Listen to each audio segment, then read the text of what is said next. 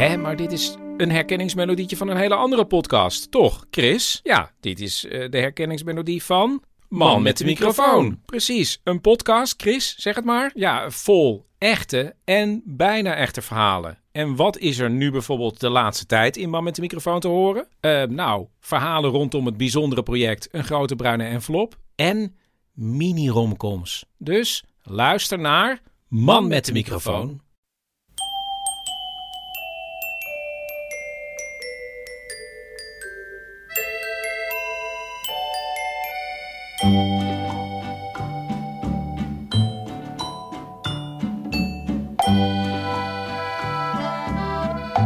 Welkom bij aflevering 228 van Echt Gebeurd. De podcast waarin waargebeurde verhalen worden verteld door de mensen die ze zelf hebben meegemaakt. In deze aflevering een verhaal dat Hester Verheijen vertelde tijdens een verhalenmiddag rond het thema Alleen.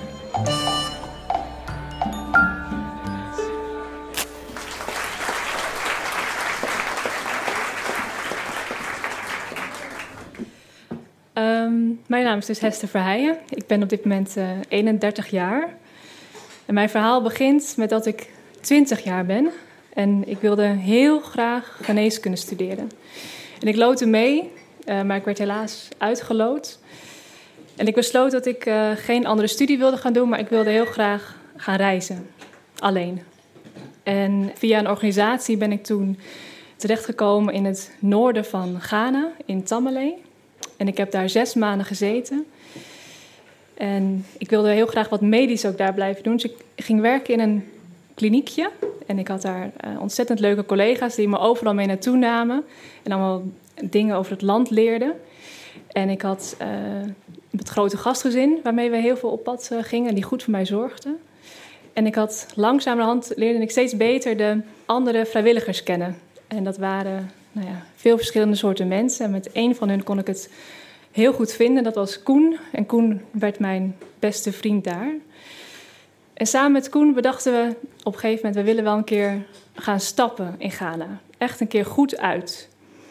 En we boekten een hotel naast de club waar we heen gingen. Omdat we niet nog s'avonds dan naar huis hoefden te fietsen. En um, dat deden we omdat ik eigenlijk die week daarvoor al overvallen was. In ieder geval beroofd van wat spullen. En dat was gelukkig goed afgelopen. Maar het leek ons geen goed plan om nog die nacht naar huis te fietsen. Die zaterdag brak aan. We gingen naar de club. We hadden een fantastische avond. We hebben gedanst, ge, gezongen, meegezongen, ge, gelachen. En vooral heel hard uitgelachen. Want ja, we dansen natuurlijk niet zo goed als de andere Ghanese die daar, de Ghanese die daar waren. En rond een uur of één was het feest afgelopen. En we liepen naar buiten met de rest van de club. En we stonden daar langs de weg nog wat uh, te, te, eten. Allemaal van die leuke kraampjes langs de weg. En we aten een broodje ei. En we waren nog wat na aan het praten met wat Ghanese jongens die daar stonden. Van, nou ja, jullie ook zo genoten? Ja. Het broodje was op. We liepen naar onze hotelkamer, wat letterlijk 20 meter verderop was. En we uh, liepen daar naar binnen. Het was een beetje een verlaten hotel, wat oud.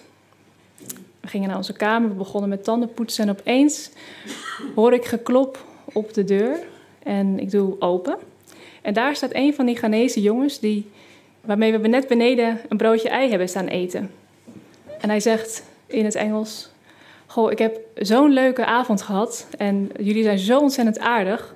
Uh, ik wil heel graag vrienden met jullie worden. Mag ik je nummer hebben?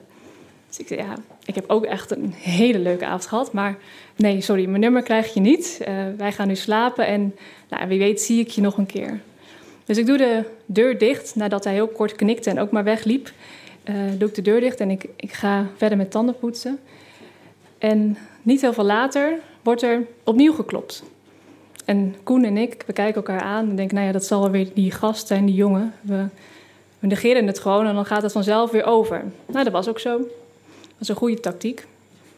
Maar niet heel veel later begint het kloppen opnieuw. En dit keer is het harder en wat sneller achter elkaar en een beetje wat dringender.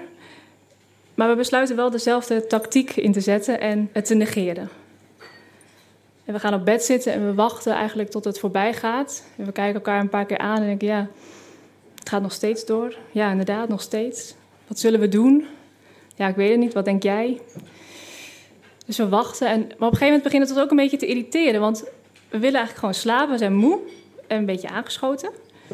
En ik merk aan Koen dat het hem nog iets meer irriteert dan dat het mij irriteert. En op een gegeven moment staat hij op en hij loopt naar die deur. En ik loop achter hem aan. Hij doet de deur open. Daar staat opnieuw die Ghanese jongen van het broodje ei. En hij staat nu alleen niet meer alleen. Hij heeft twee vrienden meegenomen. En eigenlijk voordat we iets kunnen doen of iets kunnen zeggen, stapt die jongen naar binnen. Hij grijpt Koen vast en hij duwt hem tegen de muur achter hem. En in een soort van reflex en angst schiet ik de, de badkamer in. Achter mij wordt de deur dichtgeslagen. Ik loop heel snel naar die deur toe om hem vast te grijpen. Dus ik pak het handvat vast van die deur, van de badkamerdeur. En luister naar wat daar achter gebeurt. En achter die deur hoor ik gerommel, gestommel, ik hoor geschreeuw, ik hoor mensen aan elkaar trekken. En het geluid verplaatst zich van achter mijn badkamerdeur naar de deur van de hotelkamer, die uitkomt op de hal van het hotel. Ik hoor Koen schreeuwen. Hij zegt: Wat wil je? Wil je mijn, in, het, in het Engels, wil je, wil je mijn geld? Wil je mijn telefoon? Wil je mijn paspoort? Neem het mee. Go away. En dan valt kort een stilte. En die Ghanese jongen die zegt: No, we want the girl. En ik sta in die badkamer. en ik hou nog steeds dat handvat heel goed vast. En ik denk alleen maar: deze deur mag nooit open. Mag nooit open. Ik luister naar wat Koen gaat doen en hij zegt: Oké, let me get her.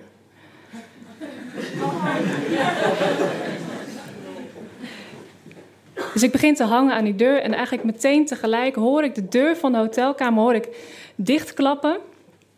En ik hoor opnieuw geschreeuw en opnieuw ge, gebonk op die deur en ik voel dat er getrokken wordt aan mijn badkamerdeur.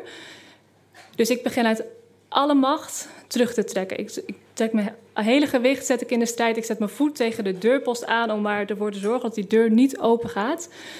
Maar ik verlies het. En de deur gaat open en daar staat Koen in zijn eentje. En ik kijk hem aan en vol ongeloof, ik kan het gewoon niet geloven. En ik kijk naast hem, achter hem, voor hem, onder hem, kijk overal. Maar hij staat er echt in zijn eentje. En ik ben zo opgelucht en ik omhels hem, we omhelzen elkaar. En we horen wel dat het doorgaat. Het is nog niet voorbij. Dus de deur van de hotelkamer is dicht, is op slot gedaan. Maar daarachter horen we nog steeds gebonk en geschreeuw. En niet heel veel later horen we dat er stenen gegooid worden tegen de ruit van onze raam aan de andere kant van de kamer. En we kijken elkaar opnieuw aan en denken: ja, dit, we hebben echt hulp nodig nu. Dus we bellen de receptie duizend keer. Niemand neemt op. We bellen de politie en die zeggen: ja, sorry, maar hiervoor komen we niet. We bellen onze vrienden en we bellen de organisatie waarmee ik daar was. Maar niemand neemt op, want iedereen ligt te slapen. En we bellen nog een keer de politie, maar we krijgen eigenlijk opnieuw hetzelfde antwoord. Nee, sorry, we komen niet. Dus we besluiten uiteindelijk maar op bed te gaan liggen. Tegen elkaar aan en te wachten tot het voorbij gaat. En dit was echt de meest intens eenzame, eindeloze nacht die ik ooit heb meegemaakt. En we wachten eigenlijk tot het geluid uitdooft. En dat doet het uiteindelijk ook wel. Maar we zijn heel blij als de zon opkomt de volgende morgen. En we bellen onze vrienden, omdat we niet meer in ons eentje de kamer durven te verlaten. Zij komen, halen ons op en we sluiten de kamer af. En eigenlijk is het alsof er niks gebeurd is die nacht. Het enige waar we, waarvan je het nog zou weten is dat er stelletjes zitten in de ramen waar de stenen tegen aangeslagen zijn. En aan de andere kant die deur die een beetje uit het lood hangt en die Ehm, waar allemaal krassen op zitten. En we sluiten de kamer af, lopen terug naar beneden naar de receptie, leggen de sleutel neer, waar wederom niemand daar zit. En we lopen arm in arm met onze vrienden het hotel uit, een nieuwe dag tegemoet. En dit was mijn verhaal.